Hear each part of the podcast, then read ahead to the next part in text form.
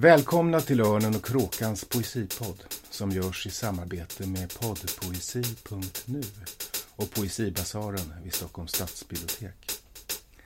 I den här podden samtalar kritiker, poeter och andra om aktuell poesi. Och så läser vi dikter förstås.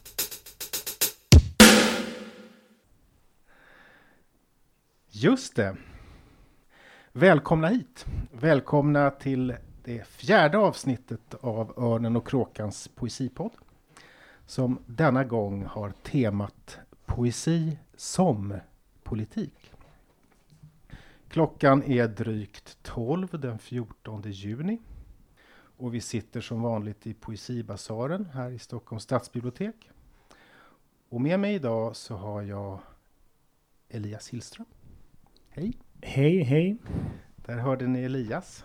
Elias har ju varit med förut i podden eh, och är utöver författare och förläggare även bibliotekarie och en av de ansvariga för Poesibasaren där vi alltså sitter. Vi spelar som vanligt in live. Vi har en liten publik här. Kan vi höra något rop från publiken? Ja, vi har en publik. Det var ju bra. Och så har vi eh, som en särskild gäst, specialgäst för den här podden, eh, Elisabeth Hjort. Du är supervälkommen. Tack så mycket. Du har ju åkt ända från Lund denna morgon. När gick du upp? För tidigt. det, tåget var i tid i alla fall. Vi var lite oroliga. Ja, det var lite nervöst. Eh, det är särskilt kul att du är här, eh, för att jag menar att du är nog eh, den som är allra bäst ägnad av alla kritiker att tala om det här ämnet, poesi som politik. Det blir det vi får se. Ja, det får vi se. Men du debuterade 2008 med en diktsamling som heter Kärnfamiljen. Och sen har du gett ut tre romaner. Den senaste kom i år, i, var det i mars? Ja. April, ja. Eh, och den heter Nattens regn och dagens möda. Och är en roman vävd kring poeten Karin Boyes liv under det politiskt turbulenta 30-talet. Alltså en historia med klar bäring, parallell eh, med vår tid på många sätt. Du doktorerade också 2015 med en mycket läsvärd avhandling som heter Förtvivlade läsningar litteratur som motstånd och läsning som etik. Som minst sagt tangerar frågan om litteratur och politik. Och som, förutom att den är starkt teoretisk i sin ansats, också läser fyra samtidsromaner. Just det. Eh, skulle du också eh, kalla dig själv för aktivist? Åtminstone kan jag säga att förutsättningarna för mm, min aktivism har förbättrats sedan jag flyttade från Stockholm. Eh, jag behöver lägga mindre tid på att åka tunnelbana och leta efter bostad. Jag har hittat eh, ett sammanhang där jag kan vara aktivist tillsammans med mina barn, vilket är väldigt bra. Mm. Så förutsättningarna har förbättrats i takt med att världen har försämrats, kan jag väl säga. Och jag skulle nog säga att den här framväxande fascismen som vi ser också har gjort att jag i någon mening har väl radikaliserats eh, mm. ja, av det. Mm. Som så många andra. Du Elias, skulle du kalla dig aktivist? Eh, kort fråga, nej det skulle jag inte göra. Jag har aldrig tänkt på mig själv som aktivist och jag tror inte att det är någon annan som kallar mig för det. Men då funderar jag något varv till. Och, eh, jag är nog en aktivist för poesi tror jag. Mm. Eh, I mitt jobb och med mitt, eh, när vi jobbar med poesimässan och, eh, och sådär. Mm. Eh, men inte, inte aktivist, så det är inte ett ord som jag brukar använda faktiskt. Mm. Jag frågar förstås för att bakgrunden till den här podden och temat poesi som politik är en annan doktorsavhandling som helt nyligen ventilerades i Lund, nämligen Evelina Stenbecks just poesi som politik som har kommit ut alldeles nyligen på Ellerströms förlag. Alltså den heter Poesi som politik, aktivistisk poetik hos Johannes Anjuru och Athena Farrokhzad. Vi ska eh, helt kort börja med att presentera den där bokens bärande idéer. Men huvuddelen av den här podden kommer att bli någonting annat kan man kanske säga. Vi har valt ett par dikter var från poddpoesi.nu eh, som vi vill tala utifrån om ämnet poesi och politik. Vi får se om vi hinner spela alla dikterna vi har valt. Men, och det vill jag poängtera, eh, de finns ju till gratis lyssning på poddpoesi.nu på sajten. Så alla som vill kan lyssna på dem där många gånger och också på många andra dikter av de författarna. Och man kan också lyssna till exempel på Athena Farrokhzads hela vitsvit som ligger där till gratis lyssning. Det vill jag gärna poängtera. Men innan dess, eh, innan vi går in på att lyssna på de här dikterna så tänkte jag att vi ska försöka tala lite om Evelina Stenbecks bok. Eh, om vi säger så här, Elisabeth, hur skulle du karaktärisera den här boken? Vad, vad handlar den om? Eh, den handlar om flera olika saker, men en väldigt viktig sak som den här boken gör, det är att den visar på hur en uppdelning som, som jag tror att vi har levt länge med eh, i en slags följd av den modernistiska litteraturens uppdelning mellan konst för konstens skull och konst i politikens tjänst eller i någons tjänst. Att hon visar, Stenbeck, att den uppdelningen inte är tillämplig eller ens intressant för den här poesin som hon läser. Därför att det är poesi som befinner sig i ett tröskeltillstånd mm. eh, där ja, uppdelningen inte blir intressant. Och det är också en konstuppfattning som vägrar att dela på skrivande och handling. Mm. Och det är också någonting med att vara i eh, det risktagandet, tänker jag. Hon har ju, tänker jag, hon har ju några centrala nyckelbegrepp eh, kan man säga. Och en är ju just aktivistisk poetik som också finns i titeln. Jag tänkte jag, tänkte jag skulle läsa en, en liten den passage där hon definierar den här i, i början av boken. Hon skriver så här, citat. Eh, aktivistisk poetik är en term som jag vill förstå utifrån en idé om litteraturens verkanskraft. Eh, det första ledet i ordet verkan är mitt förslag på en översättning av den tyska performativitetsteorins begrepp performance. Ett begrepp som försöker fånga den effekt eller verkan som litteraturen har i den utomtextuella verkligheten. Kort sagt vad litteraturen önskar göra. Ordet kraft har den fördelen att den rymmer både politiska krafter och som Elisabeth var inne på, poesins förmåga att skapa nya rum, handlingar och tankebanor. Det där tycker jag är intressant när man pratar om det här temat, alltså eh, verkanskraft, begreppet liksom. Och det är väl på ett sätt eh, samman, sammanför väl de där två traditionerna. Eh, för jag menar, vare sig man pratar om poesi i, i poesin för den, dess egen skull eller poesin som politisk handling så vill den ju verka i någon mening, inte sant? Så att den där verkan är ju intressant.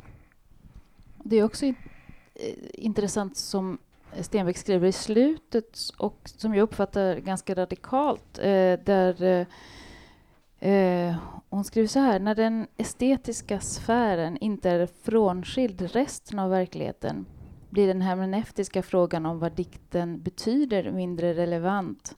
Att istället söka litteraturens verkanskraft och ärende framträder som en nödvändig uppgift för en litteraturvetenskap som vill utgöra en del i en relationell samtid.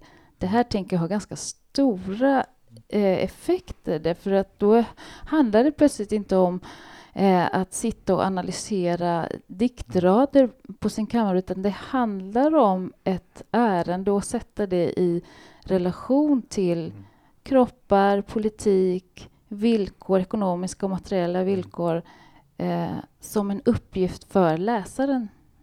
Mm, det är verkligen, och det, alltså det, det, skulle jag säga också. Jag, tycker, jag har haft mycket stor glädje av att läsa den här boken, inte minst därför att den är så välskriven, vilket tyvärr inte alltid är fallet med svenska avhandlingar. Evelina Stenbeck skriver fantastiskt bra och det gör att det är, det är, en avhandling som man verkligen kan läsa rakt igenom. Men också för att den är, dess, dess eh, radikala ärende, skulle jag vilja säga, det är att den ställer upp ett annat föremål för litteraturvetenskapen. Och här vill jag kanske tillägga att ett annat ord som ibland har fått en sån här ful klang, det är ju pedagogik. Apropå att du säger att, eh, att det finns en eh, författare här som har varit angelägen om att skriva eh, bra. Det tror jag har att göra med att det finns också en, en pedagogisk eh, vision, därför att det handlar om vilken typ av kunskap finns i poesin. Vad kan vi lära oss? Vad kan poesin lära oss om hur språket fungerar och hur man kan förstå historiska förlopp till exempel. Mm. Så det här finns en, också en tydlig koppling till att vilja prata, lära och eh, förstå tillsammans. Mm. Vad, vad, säger du Elias? Vad, du har också läst boken. Vad, ja, jag är du? ganska ovan att läsa avhandlingar. Jag gör sällan det. Så jag får lite så akademiskt komplex. Men den här kan ju eh, vem som helst som är intresserad av litteratur som inte är akademiker kan ju läsa den och förstå det mesta. Eh, och det är ju en bra inblick i de här två författarskapen, eller delar av de författarskapen. Mm. Eh, sen kanske inte jag köper alla de här poängerna. Jag har lite svårt att ta till mig dem. Mm. Mm. att de förändrar mitt sätt att läsa dikt så, men mm. det ger mig en inblick i två intressanta författarskap och en, en del av det, deras författarskap. Mm. Absolut, och man kan väl mm. säga att det, det, huvudsakligen så eh, skriver hon om Johannes Anjors debutdiktsamling och om Athena Farrokhzads eh, Vitsvit, som också är hennes eh, egna debut i alla fall. Eh, och så skriver hon om två andra ut, utslag av det här verket. Och det ena är en blogg eh, som Johannes Anjuro skrev live på, eh, på tidskriften Gläntas hemsida eh, när han var på väg till eh, skeppet Ship to Gaza men där de blev blockerade och istället så skrev han en blogg från Aten. Och det, det är en, också ett, en likvärdig del av verket som, som, eh, som eh, debutexamlingen. Och för, vad det gäller Athena Farrokhzad så, så har hon då Vitsvit, den här boken, eh, men hon tar, analyserar och tar också upp eh, det sommarprogram som väckte en så oerhörd debatt. Och också det programmet ser Evelina Stenbeck som en del, en likvärdig del av Athenas Farrokhzads verk. Och det där är intressant. Det, där, det är det jag menar att det är ett nytt föremål för litteraturvetenskapen. Mm. Jag vet inte om hon eh, kommer in på, eller det gör hon nog inte, vad, vad, vad Athena och Johannes själva skulle säga om ett sånt, det här resonemanget. Det är kanske inte är intressant, men det, eller jag tycker nog att det är lite intressant mm. vad man eh, många författare, inte de här kanske, men många författare vill ju göra en väldigt stor skillnad. Att det, vad man säger i ett radioprogram eller vad man gör, det är någonting som, som man har tänkt på på ett sätt och det man skriver i en diktsamling är någonting man har jobbat med och tänkt kanske lite djupare, lite långsammare på, till exempel. Tänker jag att det är en vanlig som man hör. Mm. Um, både och. Man både kan och. Säga, både och. Man kan också den andra hållningen. Ja, precis. Men att det... Ja. Ja, ja. Jo, nej, men den där distinktionen mellan vad som tillhör verket och vad som inte tillhör verket, det är ju det, det är också olika traditioner. Vi har ju så att säga ett filologiskt verkbegrepp som helt enkelt beskriver eh, verket som en, en, en, en, en korpus av texter. Men vi har också förstås verket förstått ur det här aktivistiska perspektivet som dess verkan i någon mening. Det där är, vi, vi, vi, jag tror att vi kommer att återkomma till det. Vill du säga någonting, Elisabeth? Eh, jag tänker lite grann om hur verkanskraft beskrivs delvis i, i avhandlingen som någonting som bryter in i ett kulturellt fält och eh, i, i kraft av, av den förändring som åstadkoms genom detta eh, så, eh, så har poesin en verkanskraft. Och där tänker jag att det som är gemensamt för de här båda poeterna tänker jag är att de har använt eh, sin eh, lit, alltså sin litterära eh, plattform, plats eh, för att försöka bredda den, utöka den och eh, också som Helena Stenbeck skriver förankra den i en handlingspraktik i mm. till exempel skrivarkurser, i till exempel kollektiva uttryck för poesiskrivande det tror jag är en viktig sak i sammanhanget. Mm. Att man måste se det som också en, en del i en, en hel praktik och att det kanske inte är, återigen, så intressant att, att göra den här uppdelningen när jag mm. sitter och skaldar i min kammare och när jag befinner mig på torget. Jag tycker att det finns här en nivå som knyter an till din avhandling också eh, och som handlar om frågan om kritik. Alltså, eh, verkanskraft, eh, över, hon översäger som sagt var som jag läste upp eh, Evelina Stenbeck att det översätter det tyska, tyska eh, begreppet performance, alltså performance. Eh, men jag tänker ju på Urteilkraft, alltså på, på Kants begrepp, alltså omdömeskraft, som är föremålet för Kants tredje, tredje kritik och som ju ligger till grund för hur vi tänker kritiken. Och vad kritik är i vår tid är ju ett starkt ämne för din avhandling. Man skulle ju kunna säga att, eh, att den här översättningen som hon gör eh, eh, skulle kunna säga att, att om, om, om, om, man, om man tänker sig att kritiken i vår tid inte förmår vara kritisk i den, i den meningen som Kant tänkte sig den som, en, som helt enkelt en, eh, ett, en form av omdömen, eh, så innebär hennes översättning och hennes idé om verkanskraften att kritiken för att kunna verka kritiskt måste flytta ut som en handling i samhället. Det räcker inte med att, att eh, sitta och omtolka verkligheten och argumentera kring det. Man måste också göra någonting med den. Och det där knyter jag an till, till, till vad, dina tankar om kritik.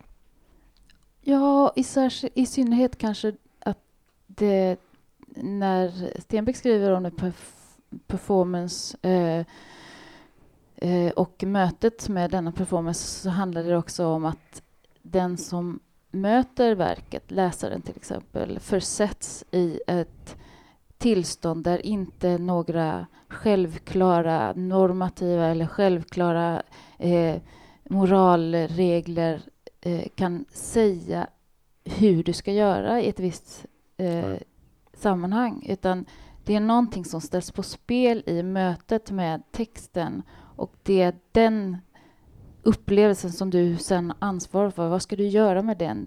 Den typen av mm. Eh, möte eller kritik eller vad vi ska kalla det eh, tycker jag är intressant. Mm. Men ska vi, ska vi pröva de här tankarna och se hur vi kan utveckla dem i, i mötet med faktiska dikter nu? Eh, jag tänkte innan vi eh, börjar lyssna så, så, så, kan vi väl tala om vilka val vi har gjort. Vilka två dikter har du valt, Elisabeth? Jag har valt eh, Glamour av Judith Gramaj och så har jag valt eh, Ljuset som speglar ansiktet av Ann Jäderlund. Mm. Och du, Elias? Eh, ja, då har jag valt en ny dikt av eh, poeten Emil Boss som heter Lean Production och en några år gammal dikt av eh, Johan Jönsson som på poddpoesi har titeln Alltså jag minns den där fjantiga... Punkt, mm. punkt, punkt. Ur typ. Ja, ur dikten Livdikt. Livdikt, den ja. första. Fem år gammal ungefär. Precis. Och jag har valt eh, Ann Hallströms Det är januari öde månad. Det är inte heller en titel egentligen, utan en titellös dikt ur samlingen Saknaden. Och så har jag valt den mexikanska poeten Gloria Gervits dikt September. Eh, som sagt var, kanske kommer vi inte hinna lyssna på alla, men eh, men om de som nu inte kanske eventuellt inte hinner spela, de kan man som sagt gå in och lyssna på själv på, på poddpoesi.nu. Eh, ska vi ta den första dikten, Elisabeth? Va, vad ska vi spela då? Kommer det nu eller? Ja, vi kan ja. spela den om du... Om du det, det, det, eller ska jag säga något vilken... om varför jag har valt den? Eller? Ja, det kan du göra ja. först. Jag lyssnade på den här dikten tillsammans med min ettåriga dotter i sängen och eh, hon började omedelbart röra sig till rytmen. Eh, det var en, eh, ett så direkt eh, bevis för diktens verkanskraft, tänkte jag. En dikt som tar plats i kropp. Eh, och jag tycker om den här dikten därför att den säger någonting om... Eh, den säger väldigt mycket, men den säger någonting om hur det är att ha ett namn som är en stängd dörr. Jag, jag tycker mig också ha sett någon slags tema här i några av dikterna som handlar om namn och ansikten. Men den här dikten handlar om att eh, namn som inte släpps in, namn som hålls utanför, eh, men som också har allt att göra om vem som talar om och skriver om de här platserna där eh, dikten utspelar sig. Och det är en dikt som är oerhört medveten om skrivandets villkor, att det är politiska villkor. Och eh, vi kan tala lite mer Mm. om hur, hur dikten pratar om estetik och sådana Vi saker. tar det sen. efteråt. Mm. Mm. Det är alltså Judith Girmais Glamour. Så gå in i Turfe. Namn som nekas vid dörrar. Namn som filtreras bort. Namn som placeras där borta, där ute, där nere i mänsklighetens botten. Namn. Så gå in i Turfe. Mönstrets slavar. Statistikens offer. Det finns ingen glamour i att vara låst bakom sitt namn. Bakom sin brunbrända hy och allt för krulliga hår.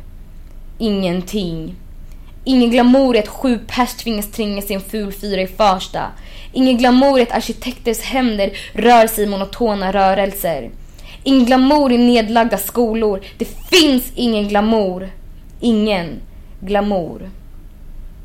Om jag bodde på denna plats för att kunna ropa Kamelechi, Dahando skulle lika gärna kunna flytta till Etiopien. Det argumentet håller inte för fem öre. För jag vill bo på en välmående plats, en stark plats, en plats där platsens kassa inte ekar tomt. Inga jävla rabattkuponger från mitt i tidningar, tre för tio skyltar inne på Vivo, stanken av misär som attackerar en så fort man kommer in. Snälla, jag behöver mer än ingenting. Jag vill bo på en bättre plats än ingenstans. Det handlar om mer än mitt postnummer. Det handlar om mitt liv. Sagawani Turfe. I min familj finns inga investeringar i aktier.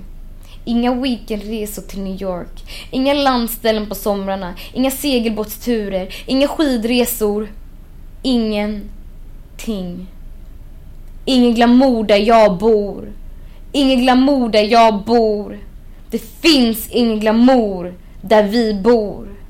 Bara en svart, ensamstående fembarnsmammas kamp. Och allt, allt börjar med hennes namn. Ja. Vad, vad får reaktioner? Vad säger Ja, du? Elias? tack för att du eh, plockade fram den här dikten. Jag hade inte hört den innan du valde den. Eh, jättebra, absolut. Den är kopplad till Revolution Poetry. Det är, finns den utgiven som på, text på bok? Det tror jag Nej. inte faktiskt. Nej. Eh, Det är ju Revolution Poetry, för de som inte vet vad det är så är det en, en rörelse kan man säga, eh, som startade 2009. Eh, Elisabeth, du kanske vill berätta mer? Jag kan berätta så mycket som eh, jag vet om den här rörelsen, att den kommer ifrån en eh, slamscenen som vi har haft eh, ganska länge. Eh, men Revolution Poetry, enligt eh, personer som har eh, företrätt dem, började arbeta med poesi utifrån förortens röster, utifrån andra berättelser, så var det också i, i, i form av en kritik mot slamrörelsen, var slamrörelsen befann sig, eh, hur eh, tävlingar såg ut och eh, istället så börjar man helt enkelt att bilda kollektivt skrivande utifrån andra platser och har också turnerat under förra året i Sverige med eh, sina uppläsningar. Och jag tänker att den här rörelsen, alltså att eh, Evelina Stenbeck hade kunnat skriva om den här rörelsen också, för den är ett sånt exempel på hur både eh, poesins verkanskraft, det kollektiva, skri- det kollektiva liksom, arbetet med poesi och eh, just performancen i situationen eh, på platsen. Så jag hoppas att någon kommer liksom, skriva en Mm. litteraturavhandling om Revolution Poetry också. Det, det kan man verkligen hoppas. Jag tänker på, eh, hur skulle man, om vi tänker lite på just det här, eh, i vad mening, hur, hur, på vilket sätt, hur är den här dikten politisk? Oj, hur den det är ju svårt att undgå. Den, den tar ju upp både frågor om rasism och om klassamhället så otroligt rakt, i, rakt upp och ner på ett självklart sätt. Så det är svårt att inte ta till sig det. Och sen är det ju, har det en jäkla rytm och det är ett jävligt bra ord, glamour, som man använder på ett väldigt bra sätt som lyfter en lite utöver det här som, tycker jag. Mm. Uh. Mm. Jag tycker också att det, är, det som jag sa tidigare, ett exempel på hur eh, poesins verkanskraft i kroppen eh, visar hur nära poesin som uttryck också står eh, kroppen och kroppens villkor, eh, det materiella som går att uppfatta omedelbart.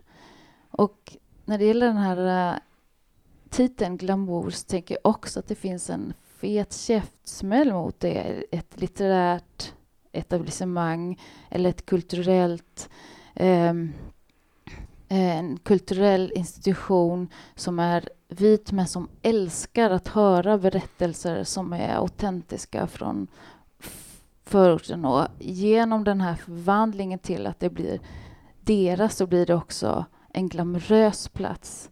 Eh, och att, att den här innehåller så mycket utav eh, eh, liksom, det är en motskrift så i den meningen eh, tänker jag också att den är politisk. Ja, att den inte den, den eh, romantiserar inte den platsen som den kommer ifrån utan eh, tycker jag. Och det gör att den lyfter. Det finns inte något stråk av det som man kan hitta i en del kanske förortsskildringar. Det finns otroligt mycket ja, romantisering kanske är fel ord men mm. bilder av förorten är och inte är och den tycker jag eh, mm. inte fastnar i den här dikten utan den blir något annat. Och den gör det med de här medlen, just att eh, de här bilderna blir någonting annat när det handlar om eh, rabattkupongerna, stanken på Vivo, alltså eh, det, eh, på det sättet också väldigt bildmedveten eh, text. Mm. Jag tänker, jag tänker om man ska återvända till det här begreppet om verkan, hur, hur dikten verkar. Eh, Eh, vi kommer säkert att eh, komma tillbaks till den, eh, till den frågeställningen. Å, å, ena sidan kan man säga att, som du nämnde Elisabeth, att den här dikten eh, genom sin, sin kroppslighet, genom sin performance, kanske man skulle kunna säga i den meningen att, att den, eh, du berättade om din dotters som ettåringen som reagerade på den, att det, fanns, det finns en slags kroppslig respons. Men sen finns det ju en verkan, som, en politisk verkan som som är mera klassisk kan man väl säga, som är liksom eh, helt enkelt eh, kommunicerar eller upplyser om någonting som, vi, som eh, man bör känna till, helt enkelt. En, en liksom mera tydlig liksom, att bilda opinionverksamhet som finns i den här dikten också. Där, där är ju, det är ju två, två sätt som man kan verka politiskt i, i, i poesi. Jag tänkte, vi kommer säkert tillbaka till det här och, och, och inte minst en, en, en, viktig aspekt av Evelina Stenbecks läsning handlar ju just om eh, att de författare hon tar upp, eh, Johannes Sanjuro och Athena Farrokhzadeh, båda är rasifierade och att de har ett, deras dikt hela tiden för, handlar om det. Och det där är ju också Judith Girmais eh, eh, dikt ett, ett exempel på. Men jag tänkte eh, Elias, eh, Emil Boss har du valt. Eh, ja, jag, ehm, han kom ju med sin andra diktsamling här alldeles nyss eh, efter några års uppehåll. han var här och läste poesimässan och jag har inte hunnit läsa diktsamlingen men jag har lyssnat flera gånger på de dikter som finns på poddpoesi och eh, jag tog en som heter Lean Production. Eh, vi kanske börjar med att lyssna på den så får vi mm. se. Så. Det gör vi. Lean Production. Om vi nu hinner lyssna på hela här annars Men jag tycker vi gör det. Vi, vi, vi ser, vi, den är ganska lång. Ja. Men vi lyssnar på den.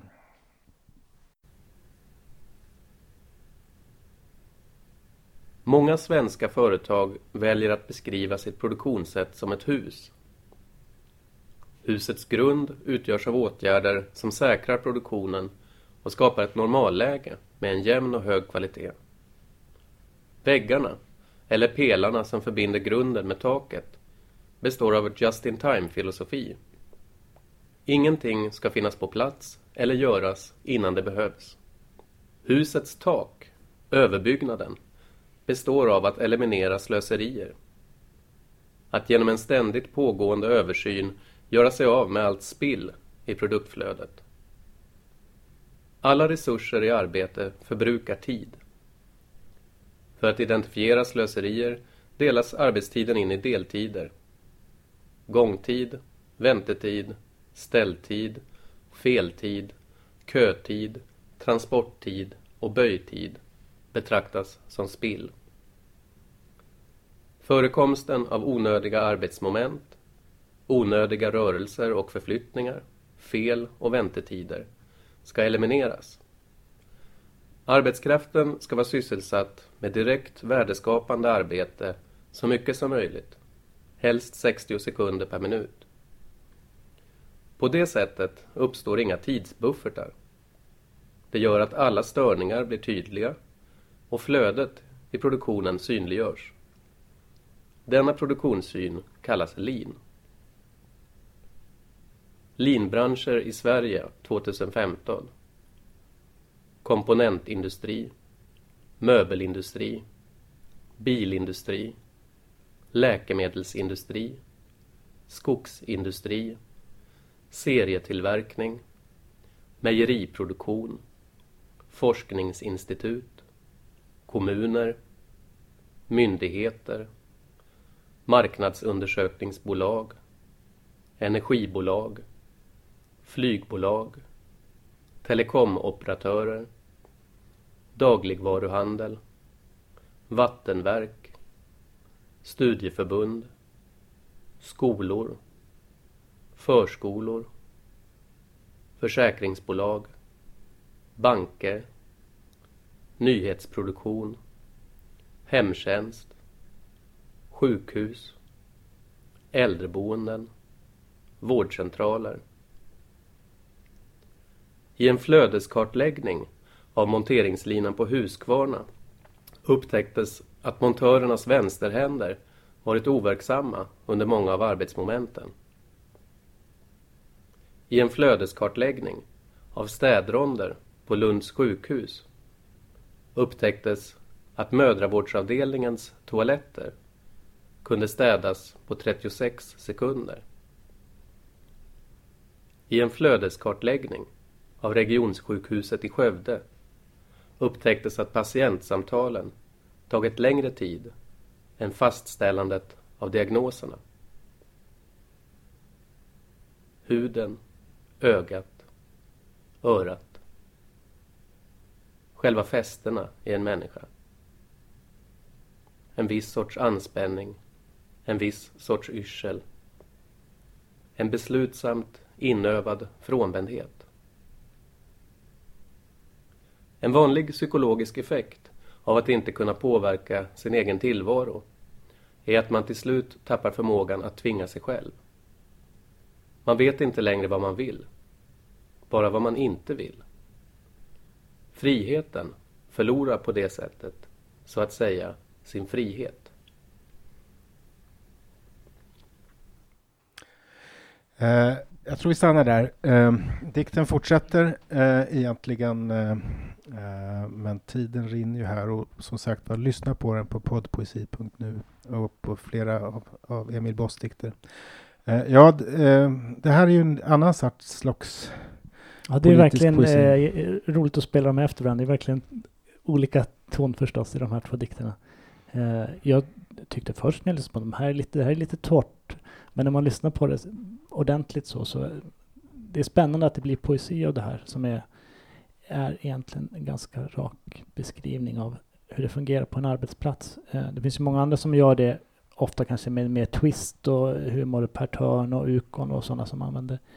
Eh, men ja, Mm. jag tycker den är, Det finns nu den är starkt politisk för mig, eller för alla som jobbar inom, även biblioteket har ju drabbats av lean production så att man så är det. Det är lite svårt att, eh, att lina poddsamtal och poesimässor och sånt. Men mycket är, är offer av samma, på samma sätt som... Man ska väl säga att, att Emil Boss skriver i en, i en um, konceptuell tradition. Alltså den här boken är en, publicerad som en rulle, ser ut som en kvittorulle ungefär, eh, av Leid på Leid förlag. Eh, och eh, eh, här finns ju också någonting, en slags nästan ready-made estetik, att man, han lyfter in ett, ett manualspråk i, i dikten på något sätt. Eh, Mm. Men det där, eh, jag tänker på det du sa Elisabeth eh, om Jodit Girmay och den där frågan om det autentiska som står på spel. Det, det, den ställs ju på ett annat sätt i den här dikten, inte sant? Och, sam, ja, och samtidigt som den konceptuella dikten i allra högsta grad skriver fram en värld i och med att den konceptuella diktaren ordnar en värld för läsaren att eh, ta del av. Och det jag tänker framträder så tydligt, men som också är den intressanta spänningen här, det är att, att när de här, eh, eh, inst- alltså de här eh, institutionerna som räknas upp i denna lean production Eh, när den världen skrivs fram på det sättet så, så framstår den också som så oerhört tydligt en värld som inte är för människor. Alltså människan består till största del av spel, tänker jag. Och det här som för mig är vik- viktigt i, i dikten. Huden, örat, fästena i en människa. Mm. Alltså en värld som inte har plats för det.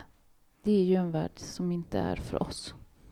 Det är ju, det är ju också när man lyssnar på den så är, den är ju verkligen gjord. Jag har inte läst den men när man lyssnar på den det blir ju sättet han läser på det är väldigt enkla och gör ju att det blir så starkt. Det är Mm. intressant att jobba på ett helt annat sätt än förra dikten vi hörde och det är en del i styrkan i och även texten att den är så otroligt lågmäld. Det finns inga Mm. utropstecken utan det är en beskrivning av och då blir de här små förskjutningarna blir ju väldigt starka.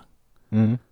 Efter den här långa uppräkningen så säger han någonting om, om, om kroppen Mm. och något litet personligt. Han går in på toaletten och, Mm. och måste pausa för det enda stället man kan pausa på. Det blir det blir väldigt starkt tycker jag. Mm. Det var i den delen som vi inte hörde.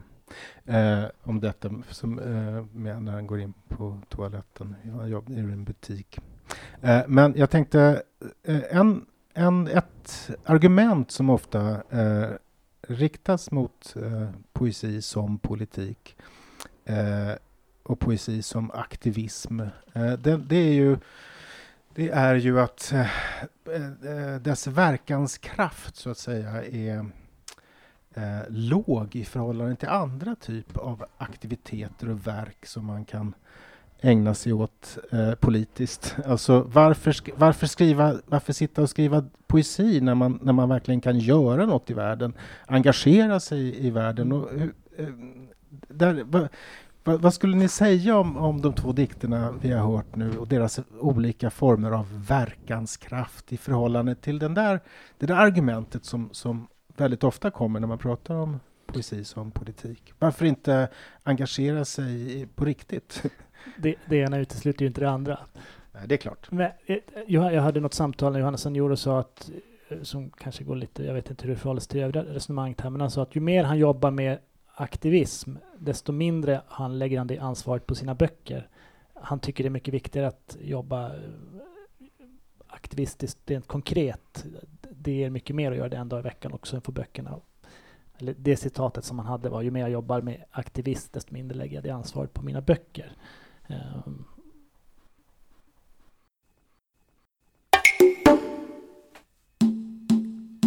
Reklam.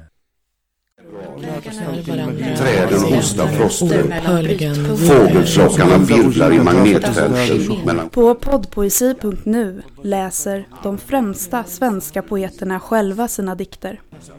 Lyssna i sängen, på väg till jobbet, på festen.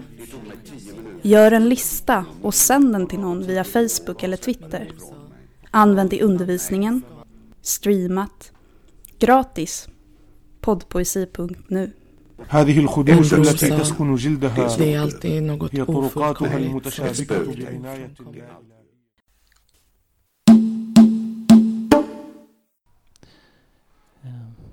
Men samtidigt så inbjuder ju böckerna ett alternativ. Visar på mm. Kanske har det att göra med vilken grad som du har tilltro till den här verkanskraften. Um, en avhandling i litteraturvetenskap vill ju gärna att litteraturen naturligtvis ska ha stor tilltro. Eller att litteraturen ska spela stor roll och ha stor verkanskraft. Eh, en poet kanske stundtals känner att, att så inte är fallet. Och därför blir det också Ja. eh, så blir den här utsagan från Anjuru lättare att förstå, tänker jag. ja, så kan det vara. Eh, Mm. också att de oerhörda anspråken som ibland eh, eh, litteraturen och poesin får bära kanske inte alltid Mm. kanske inte mäktar att leva upp till dem. Mm. Men eh, jag vill bara... Cit, eh, Stenbeck citerar Irina Bokova i inledningen av den här avhandlingen. Eh, och hon säger genom sina ord och sin rytm ger poesin form till våra drömmar om fred, rättvisa och värdighet och ger oss också styrkan och viljan att mobilisera oss för att få dem att besannas. Mm. Det kan ju vara ett svar på hur Mm. den här frågan om hur handlingen och skrivandet hänger ihop.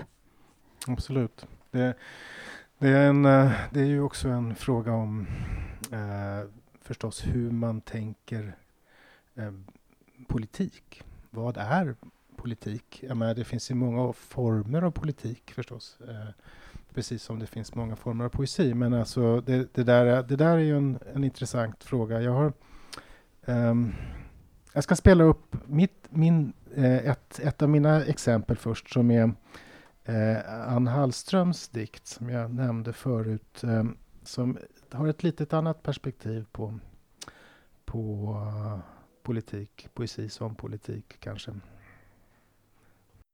Det är januari, öde månad. Stridsplan dånar genom horisonten. På avstånd pulserar blod, en nyss avskuren åder. Gravar fylls och fylls. Många går inte att känna igen. På oceanens botten etsar krabbor sina namn. Uniformer skickas hem. Du ligger stilla med kinden mot kudden, dina läppar svarta av bläck. Du har en blind fläck där ömheten tar vid. Vi var tillsammans då vågen kom, brakade loss och svepte in över staden, tog oss upp på taket, satt hopkrupna där, under stormen, ögat kulmen. Mötet och nattens stjärnor och kartor ritades om. Så småningom veknade stormen. Vinden mojnade, vågorna la sig till ro och vi var ännu i livet utan att veta vem som var kvar, vem som inte var det. Det flyger drakar på fältet och ingenting är som förut. Månen har lämnat oss, solen också. Men världen börjar alltid om. Hon har inget val, reser sig sakta. Det är januari. Under den kommunistiska revolutionen brände de och slog sönder allt. Sen var revolutionen över. Mörkläggningen, Cuba Libre, Lion, Tempel, cyanidkapslar i höga glas. Det finns drinkar för världens alla tillstånd. Hundratals människor försvinner. Regeringar låter dem försvinna. Det är januari. Växterna frodas grymt kloroforma i en lummig bädd av grönska. En hög smärttröskel. Soledad, Bianca, Silva, Diego, Pilar. Klippta vinge, duvslag, spräckliga ägg i bruna och grå nyanser.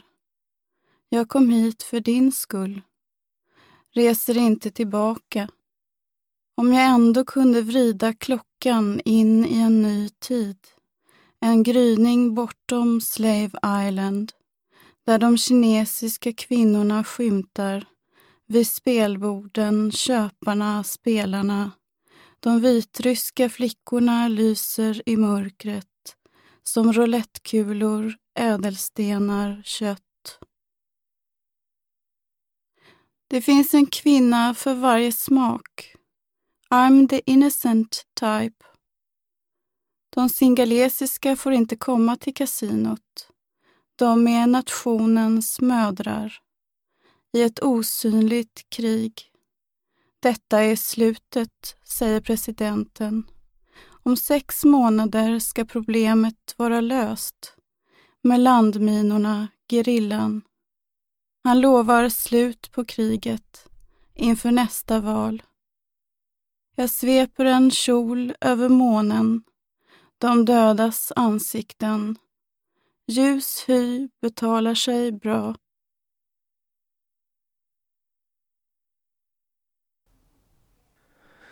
Ja, det där var alltså Ann Hallström ur, ur diktsamlingen Saknaden som, som var hennes tredje diktsamling. Och jag tänker eh, den här idén som Evelina eh, Stenbeck lägger fram om att eh, den eh, aktivistiska poesin tar plats i samhället utanför, utom textuella som hon säger. Eh, där finns det ju en, en fråga som är intressant eh, och som har att göra med eventuellt den verkanskraft som poesin har. Och det är ju beroende i vad, hur samhället, hur den, det var i dikten tar plats definieras. Eh, alltså en politisk poesi som, som till exempel båda de här dikterna som ni har tagit upp, eh, båda eh, förhåller sig väldigt starkt till en slags, vad ska vi säga, en en, kanske till och med en svensk, men åtminstone en, en nordeuropeisk, västerländsk samhällstyp där man kan ställa vissa anspråk, där det finns vissa politiska eh, historier och, och, och så.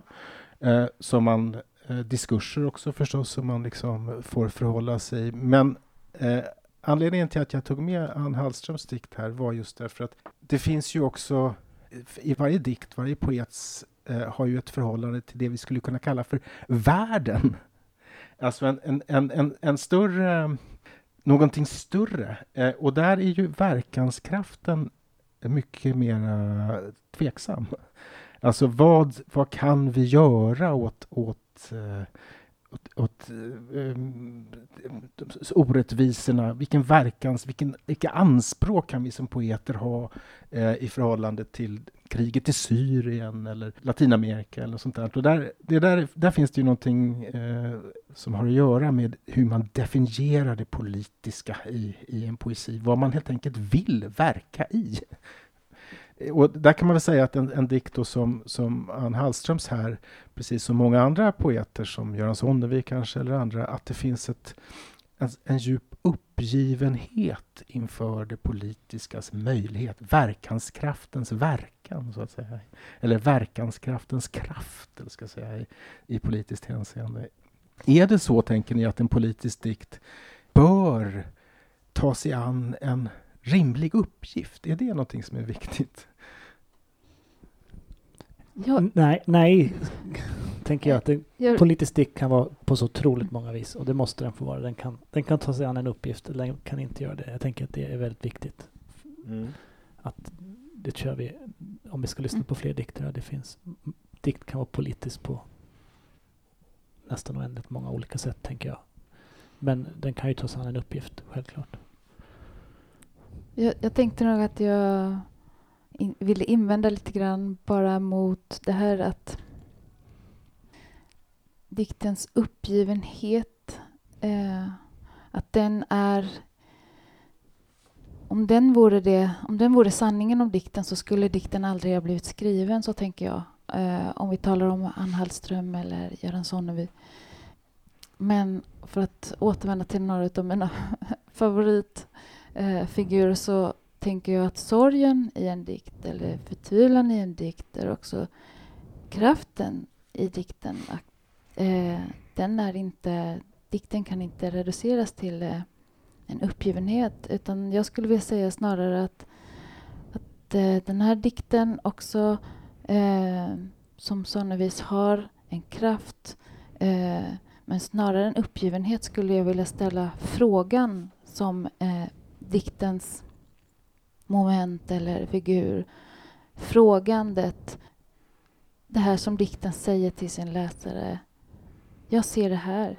Ser du också det? Mm. Det är någonting annat och rymmer mer, Mm. tänker jag, än, än uppgivenhet. Men också att, att eh, den liksom sorgen och förtvivlan av de här namnen som raderas i Mm. Hallströms dikt, den har ju hon också besläktad med Judiths Mm. dikt. Eh, Mm. namn som inte får finnas, som raderas ut. Mm.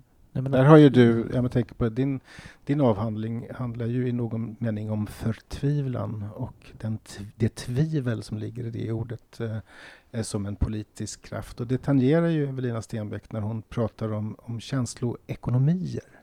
Eh, om om hur, hur dikter så att säga, mobiliserar känslor. Eh, och det där, det där är ju eh, intressant. Jag, jag eh, ringde upp en som jag tycker av de intressantaste tänkarna kring poesi i Sverige, eh, nämligen filosofen Marcia Cavalcante Schubach, eh, som eh, tänker och skriver på många språk och som framför allt är en stor kännare av sitt eget lands, Brasilien, sitt ursprungslands, Brasiliens eh, poesi.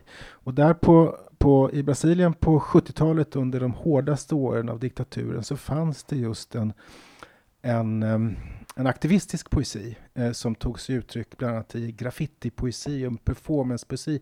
Eh, en, en av poeterna, Chacal, som är, som är han är fortfarande verksam, eh, ägnade sig åt en slags eh, politiska performances i gathörnen eh, under, under 70-talet. Eh, men jag, eh, jag, jag ringde upp eh, Marcia och så frågade jag så här.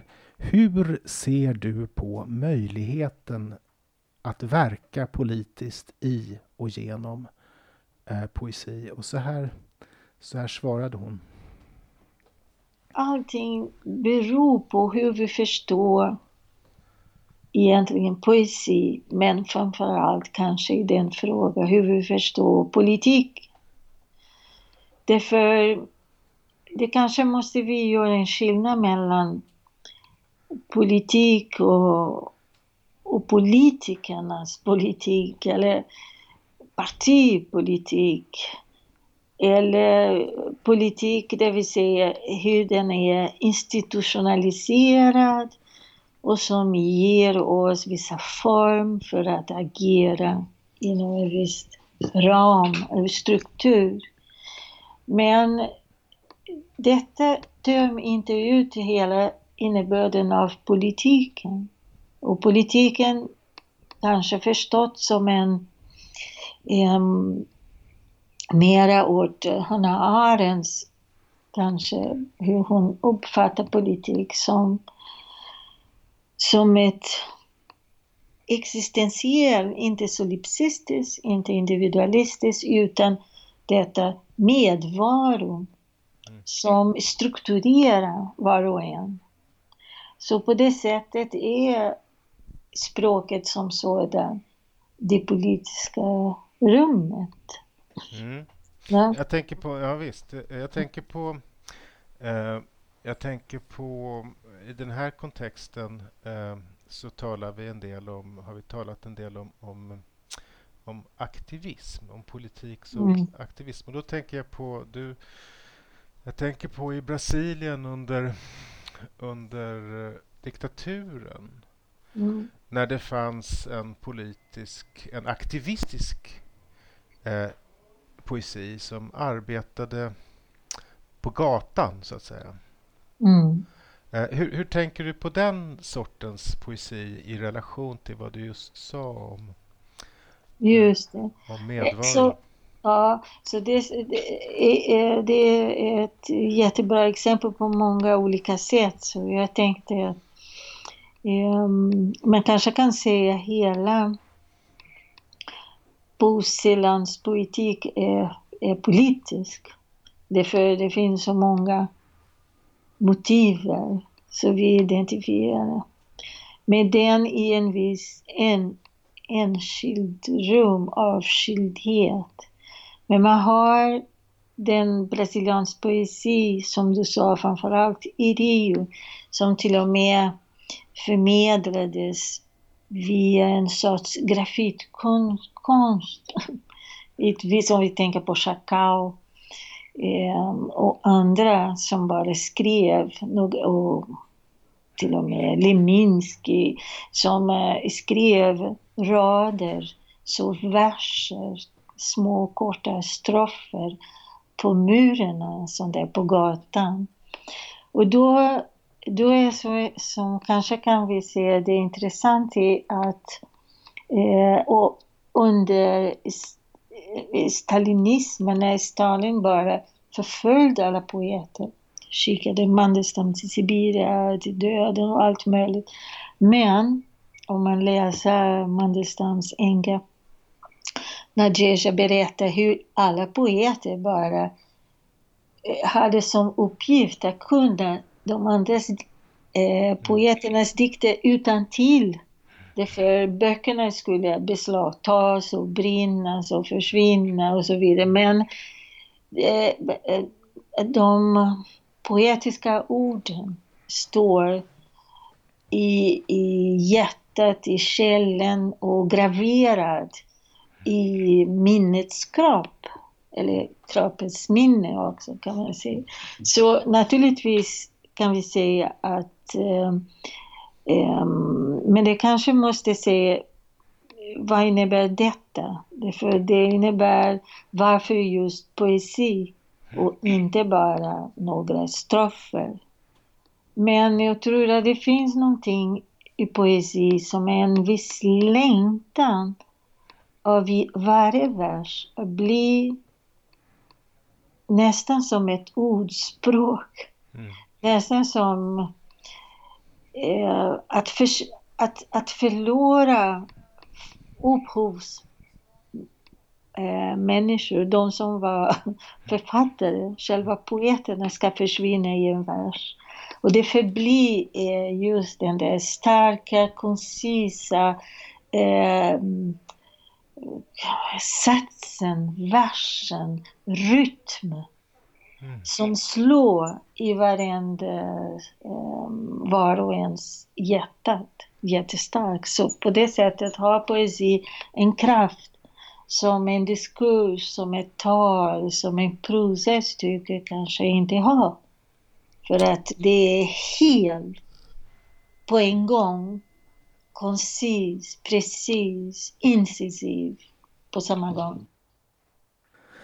Ja, det där var Marcia Sakavakante Schubach och det hon tar upp där är några saker som vi har rört vid. Dels så tar hon upp eh, Hanna Arendts idé om, om poesi, po, politik som en slags eh, eh, samvaro.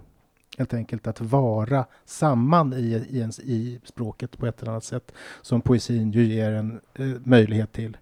Eh, men dels så gör hon, tycker jag, den här skillnaden mellan då hon tar upp Chacao, den här aktivistiska poesin i Brasilien som är ju, är ju eh, eh, och, och, och, så likställer hon det med Manderstam och Paul och så eh, som två olika eh, poetiska uttryck men som ändå sammanfattas i detta att poesins verkans, verkliga verkanskraft, till skillnad från prosan som hon säger, är just att den är precis och låter sig... Eh, den, den, den syftar till minnet, till historien. Den gör sig användbar genom att vara, att vara, eh, vara exakt eller precis i sin vers. Eller så. Jag tyckte att det var ett ganska intressant perspektiv på, på, på det vi har sagt. Var hon, språket är politikens rum, sa hon så? Ja, någonting åt det hållet. Det politiska rummet, ja. Ja, det är ju, så kan man ju tänka att det är ibland när man läser bra dikt. Så absolut. Ja. Eh, som berör en politiskt. Det tror jag gäller för det som vi har talat om eh, i allra högsta grad hittills. Att att när språket är det politiska rummet så är det också en fråga om politik att göra eh, språkliga handlingar, så att säga. Eh, återigen, att inte separera de här sakerna från varandra. Eh, men det som jag tycker är intressant om politiken då, som Marcia eh, säger, är ehm, ett existentiellt rum så handlar det ju också om vilka som får existera i det rummet, vilka får inte existera i det rummet. Att det är nödvändigt ständigt att återkomma till den här frågan om vem som skrivs ut ur språket, vem som inte får eller kan vara där.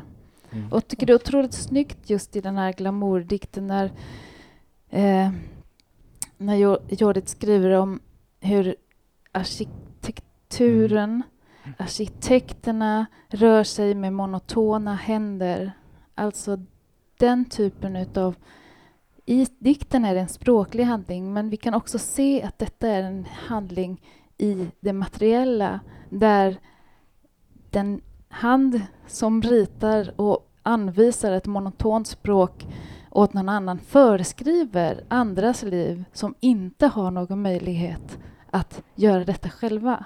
Mm. Eh, Mm. det där tycker jag är väldigt intressant om vi ska tala om språket som det politiska rummet. Jag tänker, skulle vi, skulle vi kunna lyssna lite på Johan Jönssons dikt som ju på ett sätt verkligen tangerar där. Vi, vi, har, vi går över tiden Den och så. kanske men- är lite mitt emellan de här två på något vis. Ja, men jag tänkte ändå, vi kanske inte kan lyssna på hela, men vi lyssnar lite. Apropå känsloekonomier. Precis. Alltså jag minns den där fjantiga jävla idioten skitklart fortfarande alltså. Han hade liksom alltid kostym och skjorta, en sån där löjlig jävla fluga och så kom han och skulle kontrollera att jag och den andra snubben liksom skötte oss. Och putsade fönstren och byggstäder som vi skulle. Och han kom fan så ofta att man fan inte trodde att det var sant. Han verkade fan helt besatt eller något av att kolla upp oss. Hade han liksom inget eget jävla liv liksom. Hade han inget vettigare att göra på den där jävla allrengöringsfirman eller vad fan de kallar sig. De var ju för fan bara en vanlig jävla städfirma som städa och byggstäda och pussa fönster och sån där skit. Men han kom fan hela jävla tiden och kollade upp oss som en jävla polis eller vakt eller något. Flera jävla gånger om dagen. Eller mig rättare sagt. För den andra killen, han jobbade som en jävla idiot hela tiden. Och tog nästan aldrig rast eller lunch eller paus eller någonting. Och han höll på sådär varenda jävla dag utan att någon liksom behövde kolla upp honom överhuvudtaget. Eller liksom ens säga åt honom att jobba sådär som han gjorde. Han var helt jävla sjuk liksom, vad säger man? Alltså han bara jobbade och jobbade och jobbade och skitsnabbt och noggrant. Pötsa som värsta jävla proffset liksom. Jag tyckte bara han var helt jävla obegriplig. Han gjorde liksom fyra, fem fönster på samma tid som jag gjorde ett enda eller fan knappt det ibland. Han höll käft och jobba och sa knappt ett jävla ord. De gånger vi åt lunch i en av de där barackerna som byggfirman hade och som vi liksom på nåder fick vara i och byta om i och äta lunchen i. Men bara när byggjobbarna inte var där, för då fick vi inte plats. Och förresten så hade i alla fall inte jag någon större lust att vara där när de var där. För de var så... Jag eh, fejdar ut eh, dikten där. Den är verkligen värd att lyssna på i dess helhet och eh, den blir ännu mer känsloladdad och dramatisk mot, mot, eh, mot slutet. Eh, lyssna på den på poddpoesi.nu. Ja, Elias. Eh, ja, det är en eh, kanske svårsmält dikt för vissa. Den accelererar ju i, i eh, alla möjliga saker när den fortsätter här. Men jag tycker att det är en helt underbar dikt. Jag funderar själv väldigt mycket nu när jag lyssnar på den om och om igen varför jag tycker så mycket om den. Eh, och jag är inte riktigt säker på varför, men den har, fångar ju ett språk. Eh, man har hört den här personen själv, eller man har pratat så här själv, eller pratat så inuti sitt huvud. Jag vet inte om det är helt oviktigt. Jag själv jobbade som fönsterputsare länge som extrajobb på somrarna. Eh, och jag tror att sånt där tror jag man kommer alltid kommer till när det handlar om politisk dikt, även om man försöker komma ifrån det. Så de, som man, de politiska dikter som man berörs av berör ofta någon personlig erfarenhet eller kanske någonting som man känner någon som har blivit eh, varit med om. Eh, och den beskriver ju ett klassamhälle som finns bland dem längst ner, där den här sorgliga chefen på, på byggjobbaren försöker vara någon slags chef och hur byggjobbarna ser ner på fönsterputsarna och, eh, och sen innehåller det mycket, mycket mer annat när man lyssnar på det. Man, eh, ja, några reflektioner. Mm, Jag tänker just på den här dikten hur eh, det här klasshatet tar eh, sig uttryck eller projiceras på ansiktet hos den här eh, chefen. Vi återvänder till ansiktet på väldigt effektivt Man ska eh, säga att sätt. vi hörde inte det i dikten, men den, den, den, den, har en, den fortsätter i en, i en, eh, en fantastisk beskrivning av den här övervakande chefens ansikten där hans, där hans ögon liknas vid en slags genomskinliga kukhuvuden som sticker ut. Eh, det är en otroligt stark beskrivning. Ja, det var ett inpass. Ja, den är, eh, den är stark, den är väldigt manligt kodad kan vi säga. Och den har, tänker jag, också sina risker. Alltså i, i när en dikt skrivs fram som bär eh, dess effekt liksom är, är att förmedla detta klasshat till exempel. Att det finns också många eh, det finns också risker med att eh, beskriva en persons ansikte till exempel med ett ord här som kallas för turkmustasch och sådana saker. Eh, där vi kanske närmar oss den här eh, performance eh, situationen där den etik som läsaren kommer med och den etik som eh, po poesin framställer bildar en situation för förhandling och där det också eh, uppstår ett, en fråga om ansvar för ens egna reaktioner, vad det gör med det och sådär. Att, och det tycker jag är någonting fantastiskt med poesin, att det räcker inte längre att skriva bara det, här var stark poesi. Du måste också säga okej, okay, vad gör jag med den här starka poesin Mm. när den har landat hos mig? Jag tänker, där, där, i det upplever jag att, eh, där tycker jag att den begreppet språkligt rum eh, som Marcia var inne på och som vi talade om lite grann, det är, är alldeles otillräckligt. Jag skulle mycket hellre vilja tala om ett uppmärksamhetsrum. Eh, därför att dikten inte bara är en, en så att säga, lingvistisk artefakt utan den också är en handling eh, och som är beroende av eh, en, eh, att svaras av en uppmärksamhet som d- du var inne på där. Han Elisabeth. öppnar ju upp ett språk med sin dikt. Alltså han skriver ju dikt som man kanske först tänker när man lyssnar lite halvsett. Är det här verkligen dikt? Men alltså han, han, han fångar ju en röst och ett språk och ett tonläge som man sällan hör i dikt. För han gör det så bra. Och man har hört den där personen någon annanstans. Och Men är det inte också så att den är, jag upplever den så att å ena sidan är den så att säga autentisk i den meningen att man kan känna igen den från sitt egen skalle och så, eh, och från andras. Eh, men är, finns det inte också ett parodiskt drag ja, det är det som är så i, i den här som är liksom att är det inte så att han parodierar någon eh, subaltern Mm. position? Ja, det är det som gör den så, så intressant när man börjar tänka på det komplext. Men det är, ja. Ja, Det är därför också vi behöver de här forumen där vi kan tala om de sakerna. Där det också Ja. blir en fråga om pedagogik kanske, kunskap. Får jag mm. bara säga en sak om Ann Gärdelunds dikt som vi Ja. inte kommer hinna... Jo, som vi slutar med sen. Ja! Att- Okej, då slutar vi med den. Då Men du kan inget. kan säga något? Men, men säg någonting först. Berätta, säg först. Men jag, eh, jag är glad att vi får höra den, för det här är en röst som alltid gör mig glad. Verkligen. Lycklig.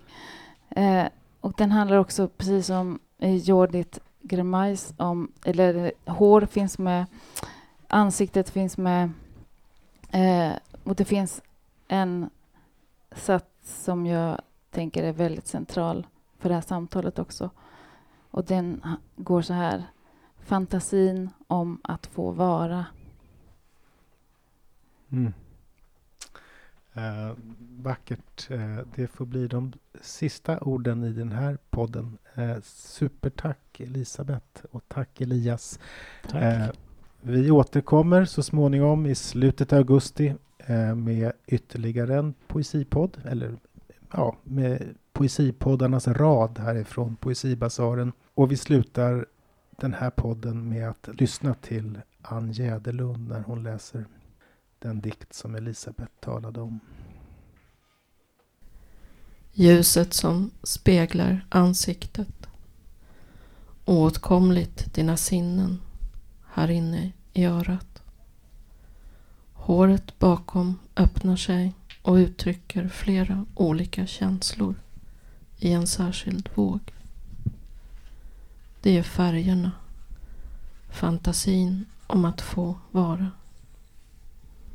Så ökar tätheten, driver syrener fram genom förträngningarna i hjärnan.